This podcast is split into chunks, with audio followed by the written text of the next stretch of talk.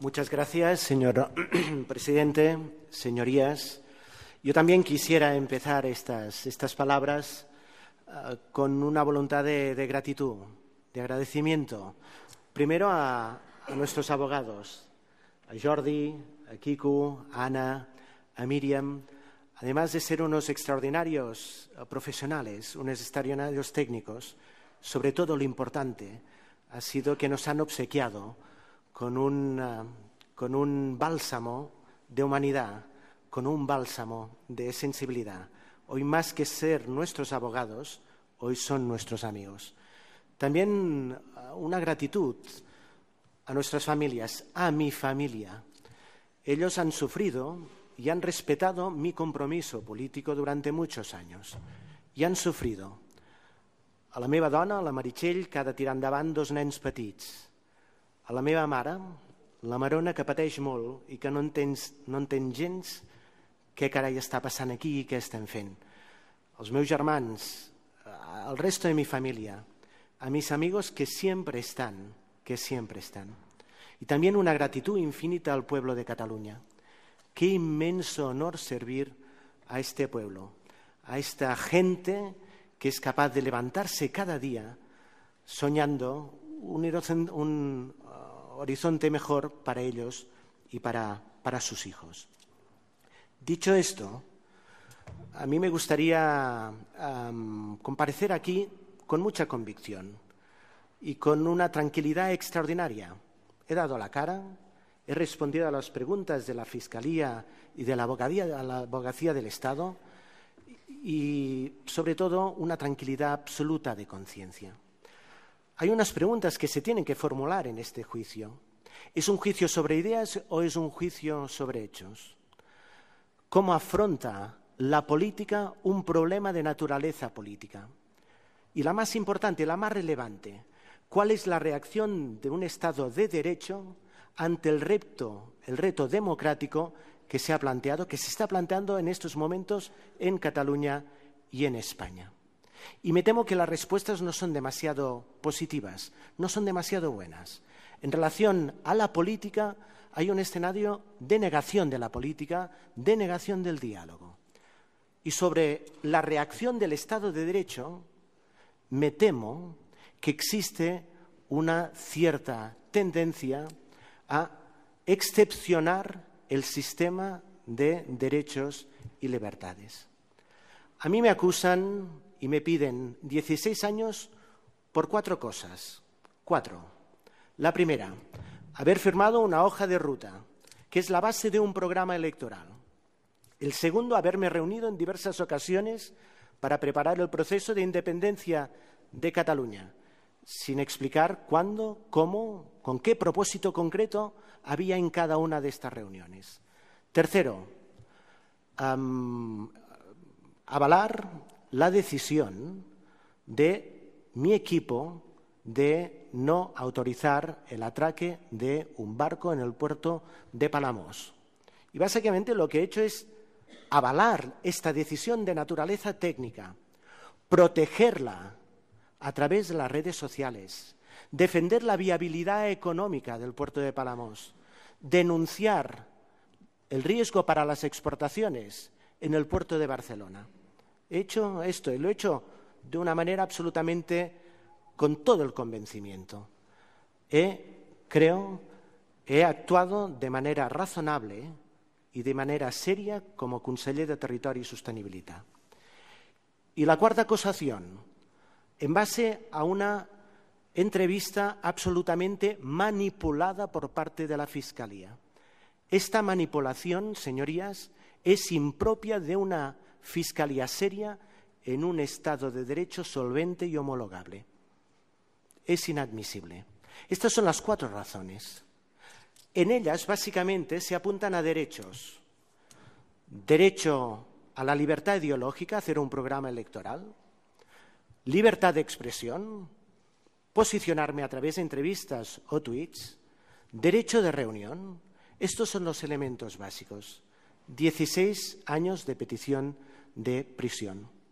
Pero yo no estoy procesado por rebelión, como se ha apuntado, por estas razones solo, sino que intuyo, y ojalá me equivoque, intuyo que estoy procesado por rebelión básicamente porque no he renunciado a mi actividad política. Esa es la razón, una razón consistente. Comparecimos ante este tribunal cuando se pidió. Comparecimos ante el tribunal, en este caso el tribunal local, después de dejarnos en libertad por primera vez a firmar a Putacta cada semana. Comparecimos. Pero el objetivo era básicamente que en la medida que habíamos continuado haciendo política y en la medida que éramos diputados del Parlamento de Cataluña, que quedásemos suspendidos en nuestra condición de diputados. Y esto es una percepción, una intuición vaporosa, no, no. El ministro de Justicia del Reino de España, el anterior ministro de Justicia, Rafael Catalá, en una entrevista en Espejo Público el 1 de febrero, apuntó plazos y términos de nuestra suspensión y de cómo se iba a llevar a cabo la instrucción, con este objetivo, que fuésemos simplemente suspendidos. Y para ser suspendidos, reingresar en prisión y un auto de procesamiento firme por rebelión. Y esto no es normal. Esto no es normal que ocurra. Un Estado de Derecho fuerte no necesita estos instrumentos para protegerse de no sabemos qué amenazas.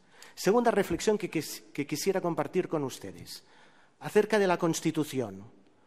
Fiscalía, con mucha contundencia, ha dicho que nosotros hemos, atacado el corazón de la Constitución.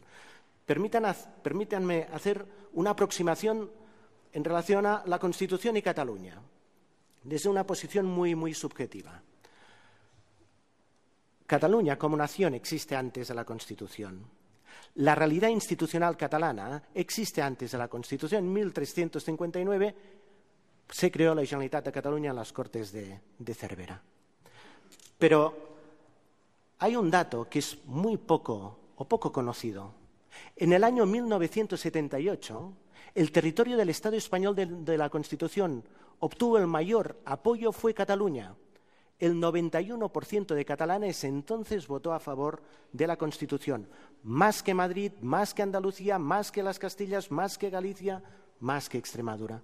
El territorio donde aquella Constitución, que para muchos catalanes era un punto de partida, era un pacto, era un pacto de Estado, era un acuerdo, con una idea básica, fundamental. Avancemos hacia la democracia, recuperemos derechos y libertades, pero había una contraprestación evidente. Se reconoce la realidad nacional de Cataluña. Se reconoce esta realidad nacional y el derecho a Cataluña a recuperar aquel autogobierno que había sido liquidado durante la guerra civil. La pregunta es qué ha pasado para que en las últimas elecciones, las elecciones europeas, el 49,7% de catalanes votan a favor de opciones claramente independentistas. Esta es la pregunta, esta es la reflexión. Aquí hay un problema político y se puede resolver políticamente. ¿Cuál es el elemento que provoca esta situación? La sentencia del Tribunal Constitucional del año 2010. De un Tribunal Constitucional desprestigiado, incompleto, faltaban magistrados, que en aquella sentencia dice dos cosas. Si ustedes catalanes se sienten nación, esta no es su constitución. Muchos catalanes creían que sí. Si ustedes se sienten nación, son nación, este no es su Estado. Muchos catalanes creían que sí.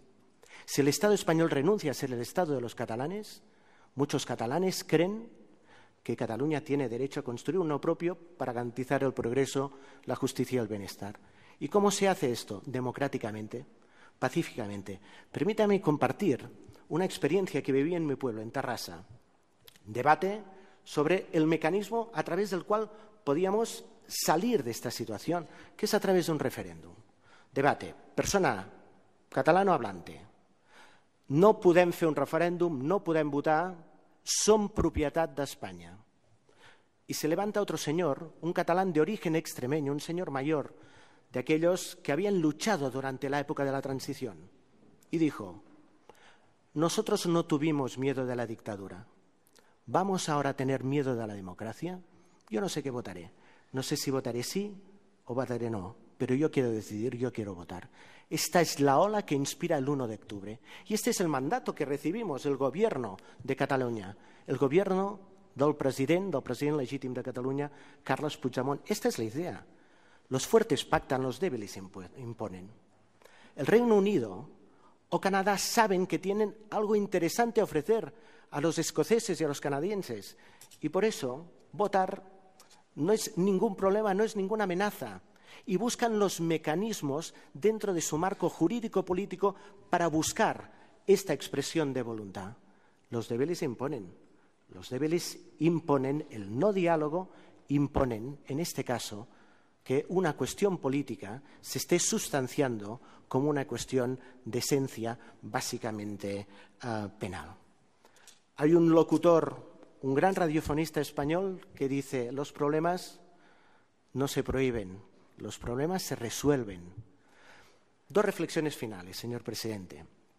La primera, cuando comparecí en mi primer interrogatorio, no tuve tiempo para...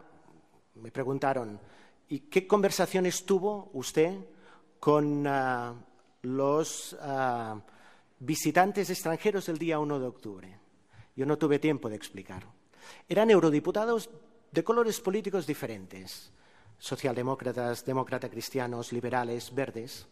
Ellos decían, este proceso, lo que ocurra en Cataluña es muy importante y lo que ocurre en España también. Nos visitaron en la cárcel y nos dijeron, lo que pase en este juicio es muy relevante, porque España es un país importante de la Unión Europea, es un gran Estado de la Unión Europea depende de cuál sea su sentencia en relación a los límites de derechos y libertades, ante una Europa asediada por la extrema derecha, esto puede tener unas consecuencias absolutamente negativas y nocivas.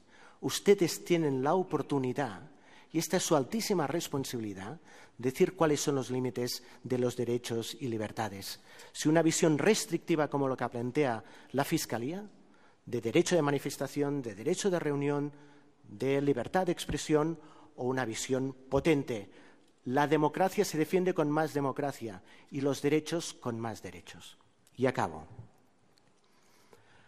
Hasta ahora, con sus resoluciones, con mi encarcelamiento, ustedes han decidido que yo no pueda ver crecer a mis dos hijos, a Bernat, de 10 años, y a Roger, de cuatro años. Pero sea cual sea el sentido de la sentencia que acaben dictando, no van a impedir que yo les pueda dejar algo extraordinariamente valioso, la dignidad de haber defendido unas ideas legítimas y unas ideas nobles. No van a impedir que les pueda dar un testimonio, un humilde testimonio de nuestro compromiso, de nuestra lucha democrática, tenaz, incansable, apasionada, para conseguir que el día de mañana ellos puedan vivir en un país mejor, en un país libre, en una república catalana donde sea simplemente imposible que alguien pueda ser encarcelado por haber defendido pacíficamente sus ideales. Hacemos nuestro el universal We shall overcome. Ens en porque esta inmensa ola de libertad y de esperanza es imparable, porque la esperanza es más poderosa que el miedo, porque después de nosotros siempre vendrán más. No existen suficientes cárceles para encerrar el anhelo de libertad de un pueblo. Así de simple, así de trascendente. Acabo con unas palabras de Salvador Espriu en su inicio de cántic en el temple. Él hacía una apelación que hoy y aquí vale la pena recordar. Decía, ara digueu, nosaltres escoltem les veus del vent per l'alta mar d'espigues. Ara digueu, ara diguem, ens mantindrem fidels per sempre més al servei d'aquest poble. Muchas gracias, señor presidente. Muchísimas gracias.